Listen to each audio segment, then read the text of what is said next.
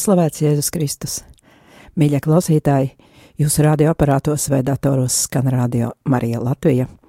Atgādinu raidījumu kontaktus ētera telefona numurs 679 69 131, numurs izziņām 266 77 272, e-pasts vairāk tevis manī at gmail.com. Ir sācies oktobris, rožkroņa mēnesis, un šovakar, 2. oktobrī, kā vienmēr pirmdienas vakarā šajā laikā, skanējumu sāk raidījums vairāk tevis manī. Ēterā ar jums es, Sandra Preisa. Šajā mēnesī ir arī baznīcai nozīmīgu svēto piemiņas dienas, piemēram, Karmels 15. oktobrī atzīmēs svēto Terēzi no Jēzus, jeb Avilas Terēzi, vakar svinējām Terēzi no bērna Jēzus un svētā Vaiga, jeb Mazo Terēzi, bet savukārt šodien mēs svinām svēto sargaņģai svētkus. Bet tagad, kā vienmēr, sāksim ar lūkšanu. Lūksim visos mūsu pašu un rādījumu arī ziedotāju nodomos, kā arī par svētā Dominika sekotājiem Baltijā un Francijas provincē. Pateiksimies Dievam par mūsu neredzamajiem aizstāvjiem svētiem sargeņģeļiem un palūksimies arī par brāļiem franciskāņiem, kuriem šajā mēnesī ir svētā Franciska piemiņas diena. Dieva tēva un dēla un svētā gara vārdā Āmen. Tēvs mūsu, kas esi debesīs, svētīts lai top tavs vārds, lai atnāk tava valstība, tavs prāts, lai notiek kā debesīs, tā arī virs zemes. Mūsu dienascho maizi dod mums šodien, un piedod mums mūsu parādus, kā arī mēs piedodam saviem parādniekiem, un neieved mūsu kārdināšanā, bet atpestī mūs no ļaunā. Āmen! Un tagad palūksimies dziesmu lūkšanu atbilstoši šīs dienas svētkiem.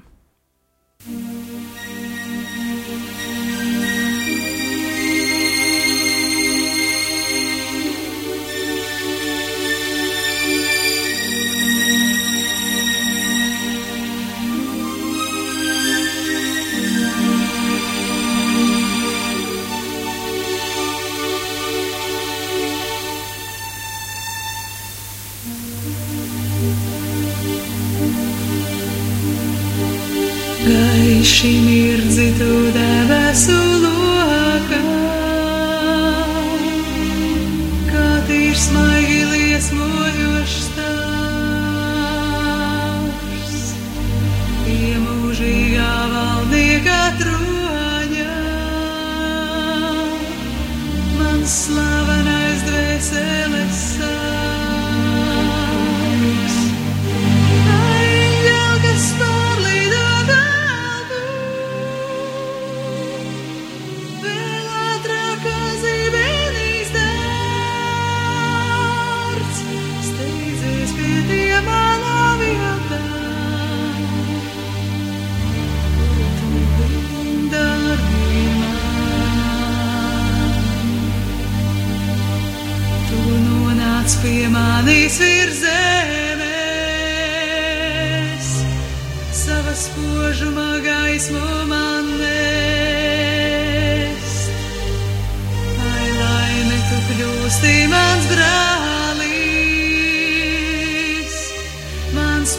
priecinātājs, mans draugs.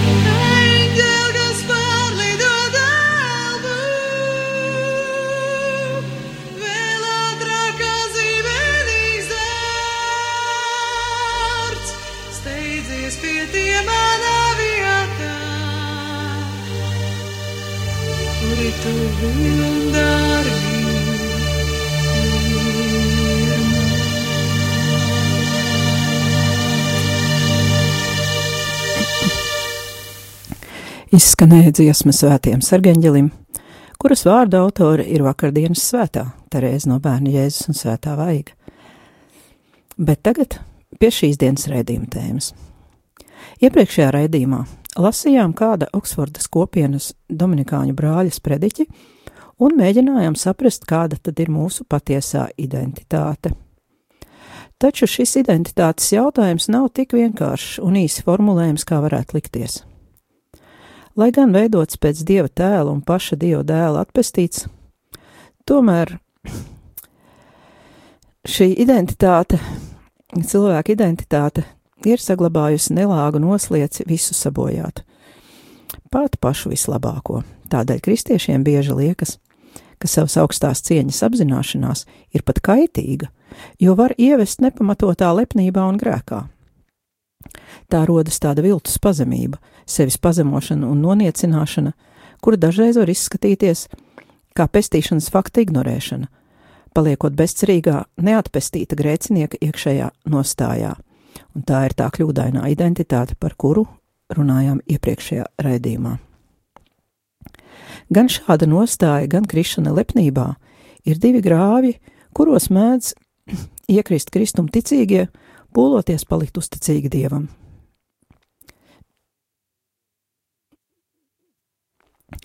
Bēdīgākais ir tas, ka šāda neizpratne par cilvēku augsto cieņu at atstāja bēdīgu iespaidu uz katru nākamo paudzi.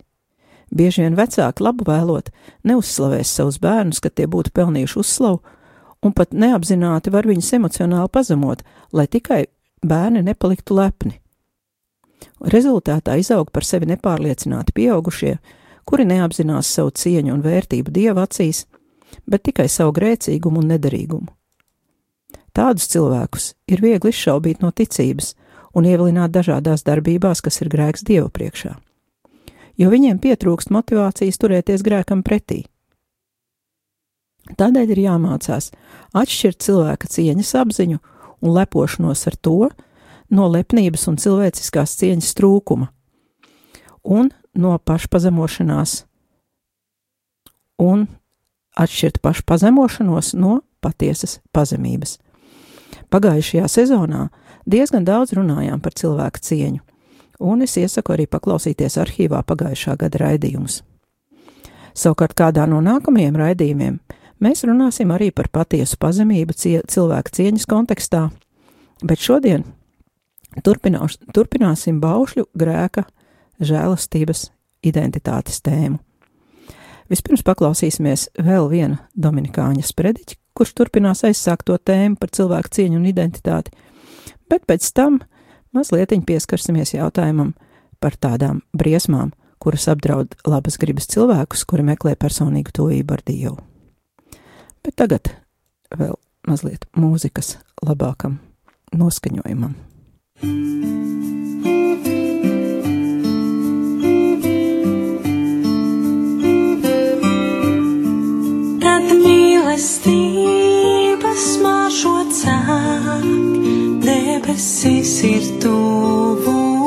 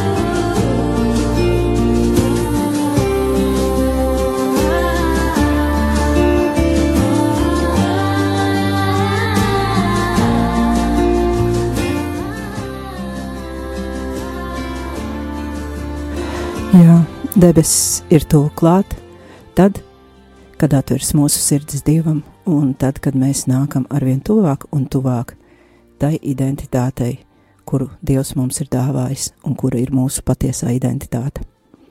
Pagājušo pirmdienu dzirdējām, ka esam atpestītie grēcinieki, kas caur Kristus upuri kļuvuši par Kristu. Tā nav ķecerība. Senie baznīcas tēvi, kā piemēram Svētais Irinējs un Svētais Augustīns, ļoti tieši un drosmīgi sacīja: Dievs kļuva par cilvēku, lai cilvēks kļūtu par Dievu. Protams, ka tas ir jāizprot ticības un mistiskās teoloģijas kontekstā, jo citādi attapsimies vienā no iepriekš nosauktajiem grāvjiem. Bet tagad paklausīsimies, ko par to visu saka kāds mūsdienu teologs, Dominikāņu brālis Nikolas Skraus, kurš ir atbildīgais par aicinājumiem sprediķotāju ordeņa Anglijas provincē. Ceru, ka vakardienas lasījums kurus klausījāmies baznīcā svētās misijas laikā, jūs vēl mazliet atceraties, jo tos es tagad nelasīšu, bet sprediķis būs par vakardienas lasījumiem patiesībā, parastā laika 26. svētdienai. Un tā nosaukums ir Vai vienlīdzīgi ar Dievu? Priesteris izskaidro pestīšanas mācību par pamatu ņemot Jēzus Kristus dievišķoto cilvēcību. Otrajā lasījumā apustulis Pāvils dažos labi piemeklētos vārdos spēja trāpīt pašos kristīgā aicinājuma sirds dziļumos. Vēstulē Filipiešiem, otrās nodaļas 5.6. pantā, viņš saka: Savās domās jums ir jābūt tādiem pašiem kā Kristus Jēzus. Viņa stāvoklis bija dievišķs, tomēr viņš nebija pieķēries savai vienlīdzībai ar Dievu. Ir grūti tulkojumā precīzi izteikt šo vārdu nozīmi. Dažreiz šos vārdus uz angļu valodu tulko arī šādi: Lai jums ir tāda pati attieksme kā Jēzum Kristum, kurš, lai gan bija dieva veidā, neuzskatīja vienādību ar dievu par kaut ko pašsaprotamu. Bet sesto pantu varam tulkot arī šādi: Jēzus Kristus, lai gan bija dieva veidā, neuzskatīja vienlīdzību ar dievu par kaut ko, kas būtu iegūstams kā laupījums. Citāta beigas. Šeit es gribu mazliet pakavēties pie rakstu fragmenta tulkojumiem latviešu valodā, jo oriģinālās prediķis ir angliski, bet mēs paskatīsimies, kā tad latviešu tulko šo, šos pantus. Katoļu tulkojums skan šādi: Esiet tādā pārliecībā kā Jēzus Kristus, kas dieva veidā būdams, neuzskatīja par laupījumu līdzināties dievam. Tagad Bībeles biedrības tulkojums vecais. Savā starpā turiet tādu pat prātu, kāds ir arī Kristu Jēzū, kas dieva veidā būdams, neturēja par laupījumu līdzināties dievam. Šie panti Bībeles jaunajā tulkojumā skan šādi: Lai jūsos ir tādas pašas domas kā Kristu Jēzu, kas būdams dieva veidā, neuzskatīja kā satverumu laupījumu būt vienādam ar Dievu. Bet krājumam mierā, bet krājumā mieram tuvu vakardienas lasījums skan: Esiet šajā noskaņā, kas bija arī Kristu Jēzū, kurš, lai gan bija Dieva veidā, tomēr neuzskatīja par ieguvumu būt līdzīgam Dievam. Tas mums paver vēl plašāku iespēju saprast šo rakstu vietu. Redzam, ka angļi konsekventi lieto vārdu equality, kas nozīmē vienāds, vienlīdzīgs ekvivalents ar Dievu. Bet latviski ir pierasts dzirdēt vārdu līdzīgs, kam ir pilnīgi cita semantiskā nozīme. Tikai jaunajā Bībeles tulkojumā parādās vārds vienāds. Arī vulgātā latīņu valodā ir lietots vārds ekvalem, vienāds, un rapinam, laupījums. Vārds ieguvums savukārt lasītājiem varbūt ir labāk saprotams nekā laupījums, ka mūsdienu latviešu valodā ir negatīva nokrāsa. Savukārt, ja oriģinālā vārda vienlīdzīgs ekvivalents vietā lietojam līdzīgs, pilnīgi mainās visa vēstījuma jēga. Bet tagad atpakaļ pie homīlijas. Brālis Nikolas turpina. Pēc apstuļa Pāvila Vienlīdzība ar Dievu nav laupījums. Tas nav nekas tāds, ko Jēzus būtu satvēris kā kaut ko savu vai arī izmisīgi pieķēries. Bet ko tas nozīmē? Daži cilvēki uzskata šo nepieķeršanos par liecību tam, ka Dieva dēls pieņemot cilvēka miesu, ir zaudējis savu dievišķību. Tas, ka viņš nepieķērās un stingri neturējās pie savas dievišķās dabas, liek viņiem secināt, ka Jēzus pilnībā iztukšoja sevi, zaudējot dievišķību. Bet tas nav tas, kam tic katoļi. Mēs ticam, ka dēls ir konsubstanciāls, jeb vienlīdzīgs ar tēvu, viena substance. Kā mēs sakām savā ticības apliecībā.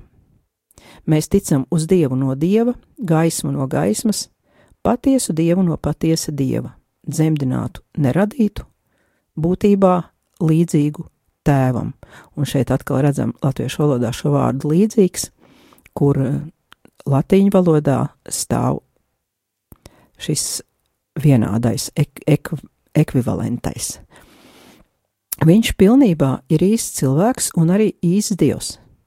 Svētās trīsvienības otrā persona. Mēs ticam, ka šī dievišķā persona, dieva dēls, pieņēma cilvēka miesu un cilvēka dvēseli, lai iemājot mūsu vidū kā viens no mums, lai kā svētais Irinēs teicis, mēs varētu kļūt kā dievs. Jēzus nāca, lai piedāvātu mums sava veida līdzību ar Dievu. Viņš neuzskatīja šo līdzību, jeb vienādību ar Dievu par laupījumu, jo viņš nāca, lai piedāvātu mums šo žēlastību. Viņš neuzskatīja, ka tai būtu slimīgi jāpieķeras kā savam īpašumam, jo viņš nāca, lai dalītos Dieva dzīvē ar visu cilvēci. Viņš neuzskatīja, ka debesu valstības prieks būtu kaut kas tāds, kam vajadzētu izmisīgi pieķerties, lai nepazaudētu jo sniedza mums to kā dāvanu. Tālāk šajā raksturvietā Pāvils turpina. Viņš iztukšoja sevi, pieņemot verga stāvokli un kļuva kā cilvēks, un būdams kā visi cilvēki, bija vēl pazemīgāks, pat līdz nāves labprātīgai pieņemšanai, līdz krustenāvei. Citāta beigas. Šo citātu es atkal biju tulkojis no angļu valodas burtiski, jo latviski tas skan citādi. Vincents Strelēvits tulkojumā šī rakstu vieta skan šādi. Bet viņš atteicās no sevis pieņemdams kalpa veidu. Kļūdams cilvēkiem līdzīgs, viņš ārīgi izskatījās kā cilvēks, viņš pazemojās, kļūdams paklausīgs līdz nāvei, līdz pat krustinājai. Savukārt jaunais Bībeles tulkojums saka, bet viņš sevi iztukšoja, pieņēma kalpa veidu un tapis pēc cilvēka līdzības, un būdams tāds pats kā cilvēks, viņš pazemoja sevi, kļūdams paklausīgs līdz nāvei, līdz pat krusta nāvei. Un eh, šie abi latviešu teksti eh, burtiski tulkojumā ir tuvāki vulgātas oriģinālam nekā iepriekš minētais angļu fragments, angļu valodā tulkotais, kuru es pārtulkoju latviski. Eh, taču šis angļu teksts atkal varbūt mazliet vieglāk palīdz mums saprast būtību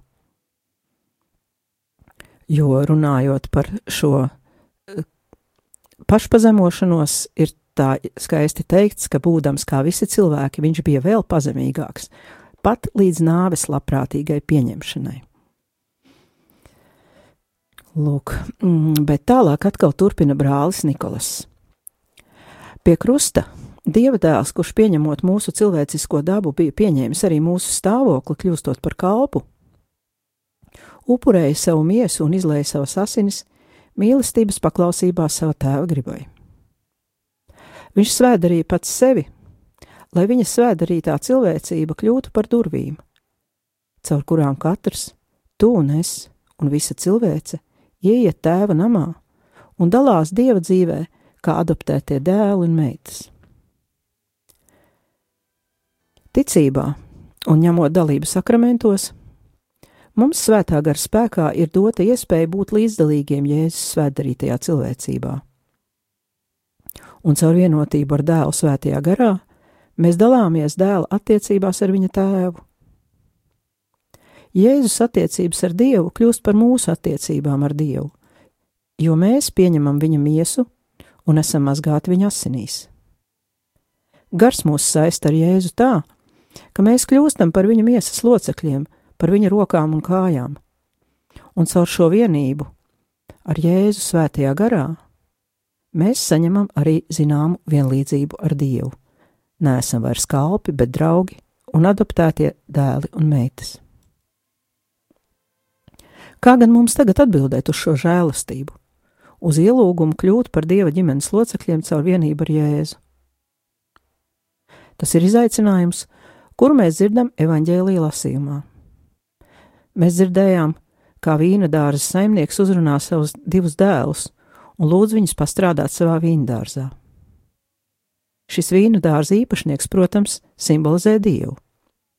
Bet vīna dārzs ir klasisks simbols vecajā derībā, un to labi pazīst dieva tauta.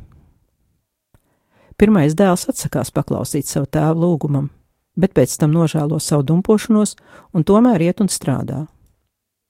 Jēzus identificē šo dēlu ar muitniekiem un prostitūtām, kur iesākumā bija atmetuši dievu, bet vēlāk nožēloja un iegāja dieva ģimenē caur Jēzus svētdarīto cilvēcību. Otrs dēls kalpoja ar lūpām. Ar muti pildīja un akceptēja tēva vēlēšanās, bet viņa ārējā paklausība netika apstiprināta ar darbiem. Jēzus identificē šo dēlu ar farizējiem un citiem ievērojamiem un pat likumīgiem ļaudīm, kuri nedzīvo atbilstoši savām lūkšanu praksēm un sludināšanai. Rezultātā otrā dēla atdarinātāji neieies debesu valstībā. Tagad, protams, noklausījušies līdzību par šiem diviem dēliem, mēs daudz labprātāk atdarināsim pirmo dēlu nekā otro. Iespējams, ka līdz šim esam atmetuši dievu un savā dzīvē neesam pildījuši viņa baušļus, un mūs maz ir interesējuši Dieva plāni mūsu dzīvē. Taču debesu valstības durvis ir plaši vaļā, un tās vienmēr ir vaļā, jo šīs durvis ir Jēzus svētā cilvēcība, un Viņš ir apsolījis, ka mēs vienmēr esam Viņa mīlestībā iekļauti, un varam to saņemt grēksūdzē un evaharistijā. Ja vien mēs nožēlosim un atgriezīsimies atpakaļ pie mīlestības un paklausības savam debesu tēvam. Un tad viņš katrā laikā mūs uzņems ar vislielāko prieku un gavilēm. Nesalīdzinām bīstamāk ir palikt otrā brāļa ādā, pašapmierināti slēpjoties savā paštaisnībā un neatzīstot, ka mūsu dzīvē ir vajadzīga atgriešanās. Tomēr neviens no šiem diviem dēliem nav īpaši labs paraugs attiecībā uz to, kā vajadzētu atbildēt uz dieva aicinājumu, strādāt kopā ar viņu, lai uzceltu debesu valstību. Viens dēls izgāzās ar vārdiem, otrs ar darbiem. Daudz labāks tomēr ir paša Jēzus uzvedības modelis, kā pustulis Pāvils saka. Savās domās jums ir jābūt tādiem pašiem kā Kristus Jēzus. Jēzu ir manifestējusies mums dāvātā dieva žēlastība. Neizmērojamais dieva dāsnums atklājas tajā, ka tēvs sūtīja savu dēlu, un tēvs un dēls abi kopā dveš savu garu, lai atvestu mūs atpakaļ, kad nomaldāmies grēka dēļ. Un ja mēs piedalāmies Jēzus mīlošajās attiecībās ar viņu debesu tēvu, bezgalīgajā un mūžīgajā mīlestības apmaiņā, kas ir pats svētā trīsvienība, tad Dieva mīlestība mūs piepilda ar spēku, kurā varam darīt redzamu to pašu žēlastību un dāsnumu mūsu dzīvēm. Mums ir dots spēks un aicinājums dzīvot un mīlēt tā, kā to darīja pats Jēzus - padarīt redzamu Dieva žēlsirdīgo mīlestību mūsu vārdos un darbos. Dieva mīlestība mūs atbrīvo, lai mēs būtu kā Dievs tajā, kā mēs parādām mīlestību un tajā dalāmies ar citiem. Tas nozīmē, ka nekavējoties un ar dāsnu sirdi Mums vajadzētu atsaukties mūsu debesu tēva aicinājumam strādāt viņu vīndārzā, lai celtu debesu valstību. Un, kad mēs ar atvērtām sirdīm atsaucamies Dieva aicinājumam mīlēt, mēs atklājam pasaulē Kristus tēlu un līdzību, kas arī ir mūsu patiesā identitāte.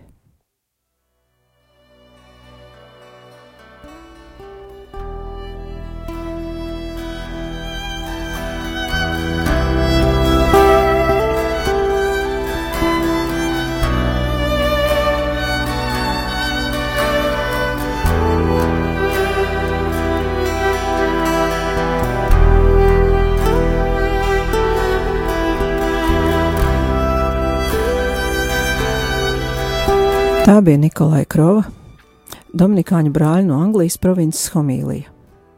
Parasti šādas homīlijas mūs iedvesmo darīt lielus darbus dievgodam. Tomēr, kad sākam ķerties pie darbiem, mēs vienmēr sastopamies ar dažādām grūtībām un ar kārdinājumiem. Un jo vairāk mēs tuvināmies dievam, jo kārdinājumi kļūst rafinētāki un grūtāk atpazīstami.